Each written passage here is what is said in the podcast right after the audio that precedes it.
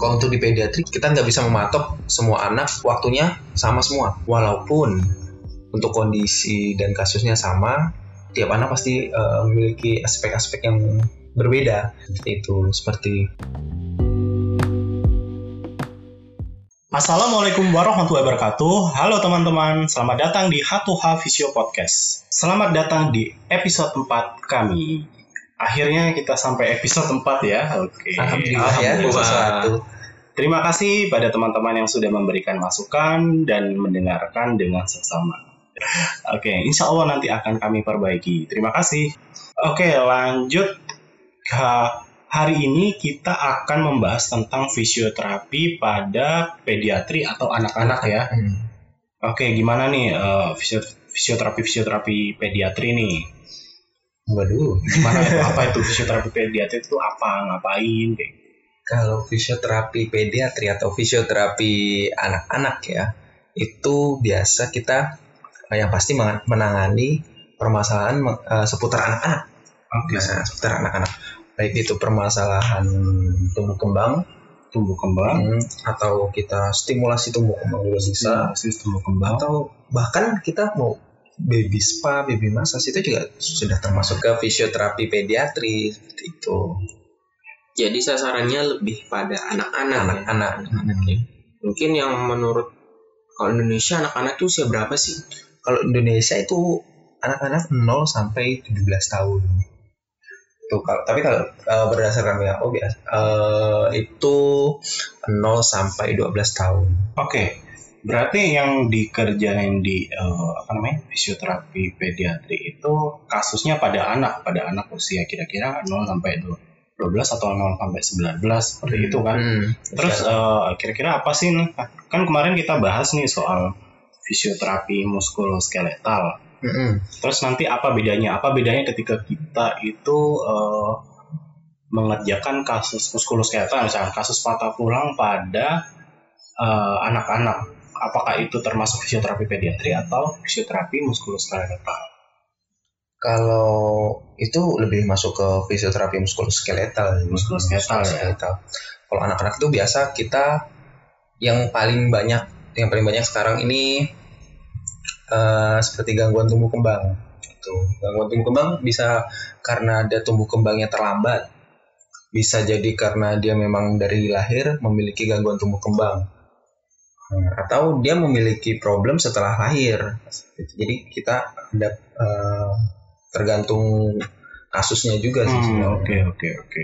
Jadi ini ya dari baru lahir dari baru lahir sampai uh, ini ya usia sampai usia itu tadi ya usia perkembangannya. Jadi intinya di tumbuh dan, dan kembang, si anak ini hmm. dari usia nol. Tapi tetap kita untuk fisioterapi anak-anak kita harus memperhatikan perkembangan ketika anak-anak tersebut masih di dalam janin. Dalam. Uh, karena itu juga uh, sedikit banyak berpengaruh untuk perkembangan ya. selanjutnya. Kita harus tahu ya, harus tahu bagaimana ketika historinya perkembangan di dalam janin itu seperti apa ya anak iya, itu. cukup perkembangan dalam janinnya, jangan tanya yang sebelum jadi jadi itu ya jadi bahaya iya iya iya iya terus kira-kira apa aja nih yang ditangani nih nanti nih di masalah tumbuh kembang kan tadi ngomongnya tumbuh kembang apa aja seperti apa biasanya yang ada di masyarakat nih uh, uh, pernah dengar gak baby spa okay. atau baby massage gitu oke okay. itu biasanya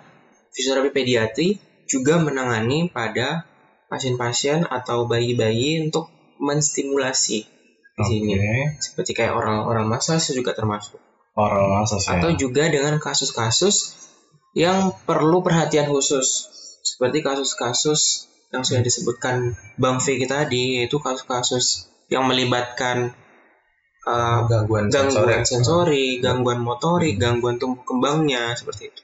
Nanti uh, goalnya kita nanti uh, untuk fisioterapi anak-anak biasanya untuk uh, tahapan perkembangan yang paling atas yaitu uh, perkembang uh, apa?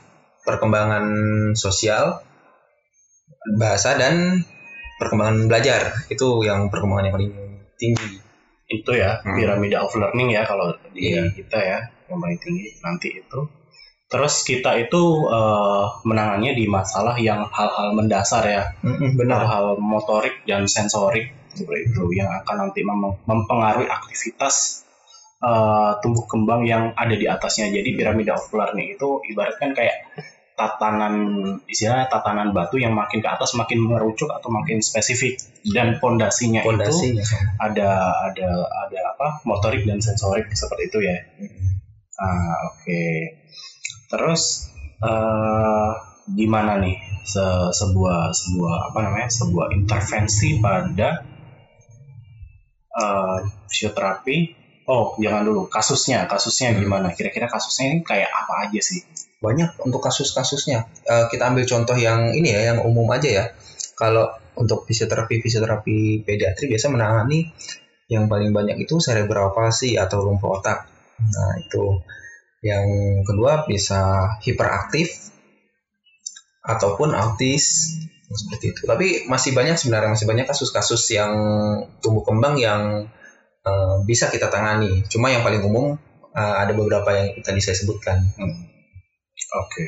Jadi konsepnya ini ya, konsepnya di mana kita itu eh, lebih ke concern atau memperhatikan yang eh, masalah motorik ataupun sensoriknya. Ketika Iya. di sana ada masalah motorik atau sensorik di perkembangannya, seperti misalkan ada yang terlambat untuk apa namanya eh, Berjalan. berjalan seperti itu. Kemudian hypersensitif di Iya. kulitnya, jadi eh, apa namanya jalannya jinjit misalkan. dia atau dia makannya pilih-pilih nih misal. Dia lebih suka makanan yang lembut Hmm. tapi dia nggak suka tekstur kasar atau dia nggak suka tekstur yang uh, kayak bubur-buburan itu dia nggak suka. Nah itu bisa nanti uh, indikasi ke masalah ini. Nah sebenarnya itu kan udah masalah ranahnya terapi bicara. Cuma untuk hal-hal mendasarnya tetap kita uh, stimulasi Oral ya. uh, oral untuk nanti biar ke terapi bicaranya lebih baik. Oke, bisa juga eh, hanya istilahnya kita mengoptimalkan tadi ya, Mengoptimalkan tadi. mengoptimalkan mengoptimalkan tumbuh kembangnya nggak harus ada gangguan. Misal tadi seperti baby massage, spa atau misalkan ada hidroterapi seperti itu.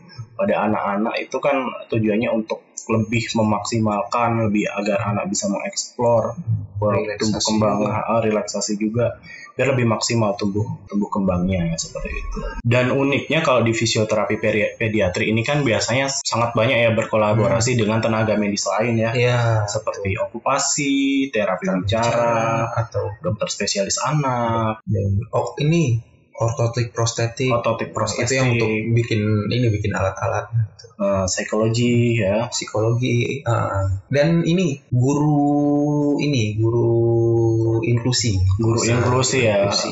bisa tuh nanti kapan-kapan Iya, boleh tuh. boleh kita agendakan kolaborasi Oke, kira-kira kapan dan berapa lama sih eh, anak itu membutuhkan waktu untuk fisioterapi?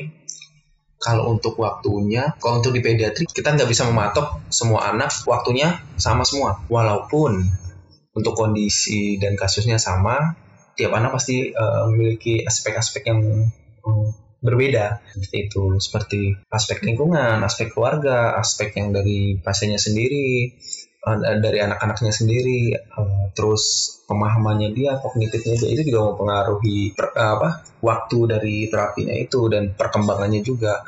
Ada yang perkembangannya bisa pesat dan ada yang perkembangannya eh, kurang cepat gitu seperti itu. Jadi kita nggak bisa mematok. Kalau kemarin kan kalau untuk yang kalau kemarin kan untuk yang fisioterapi muskuloskeletal itu ketika kita patah tulang sudah tahu ada acuan jangka waktu enam bulan nah kalau untuk di pediatri kita nggak bisa sih untuk mematok apa waktunya seperti itu Karena lihat lagi ya tujuannya si anak itu datang untuk apa. Bisa Hmm. pertumbuhan tumbuh kembangnya terlambat untuk berjalan misal. Mm-mm. Jadi akhirnya untuk memasuki fase jalan itu butuh berapa lama sih? Kan nggak hanya butuh waktu satu bulan dua bulan gitu. Ketika kita lihat lagi pasiennya ini atau anaknya ini di fase yang mana? nah Di fase itu. pertumbuhan pertumbuhan perkembangan yang mana? Nah, dan ada satu aspek yang paling penting di fisioterapi anak. Yang paling penting itu eh, peran dari keluarga. Baik itu orang tua, saudara, kakek nenek, dan keluarga-keluarga itu yang karena faktor lingkungan dan keluarga itu yang paling mempengaruhi seperti itu. Makanya kalau misalnya fisioterapi pediatri, kita nggak cuma terapi anaknya aja, tapi kita juga edukasi dan mengajarkan dari keluarganya tersebut. Iya, oke. Jadi ini ya, jadi eh, kalau di fisioterapi pediatri itu untuk keluarga sendiri, terutama dengan orang tua itu eh, jadi fokusan tersendiri ya daripada Beda. fisioterapi yang lain.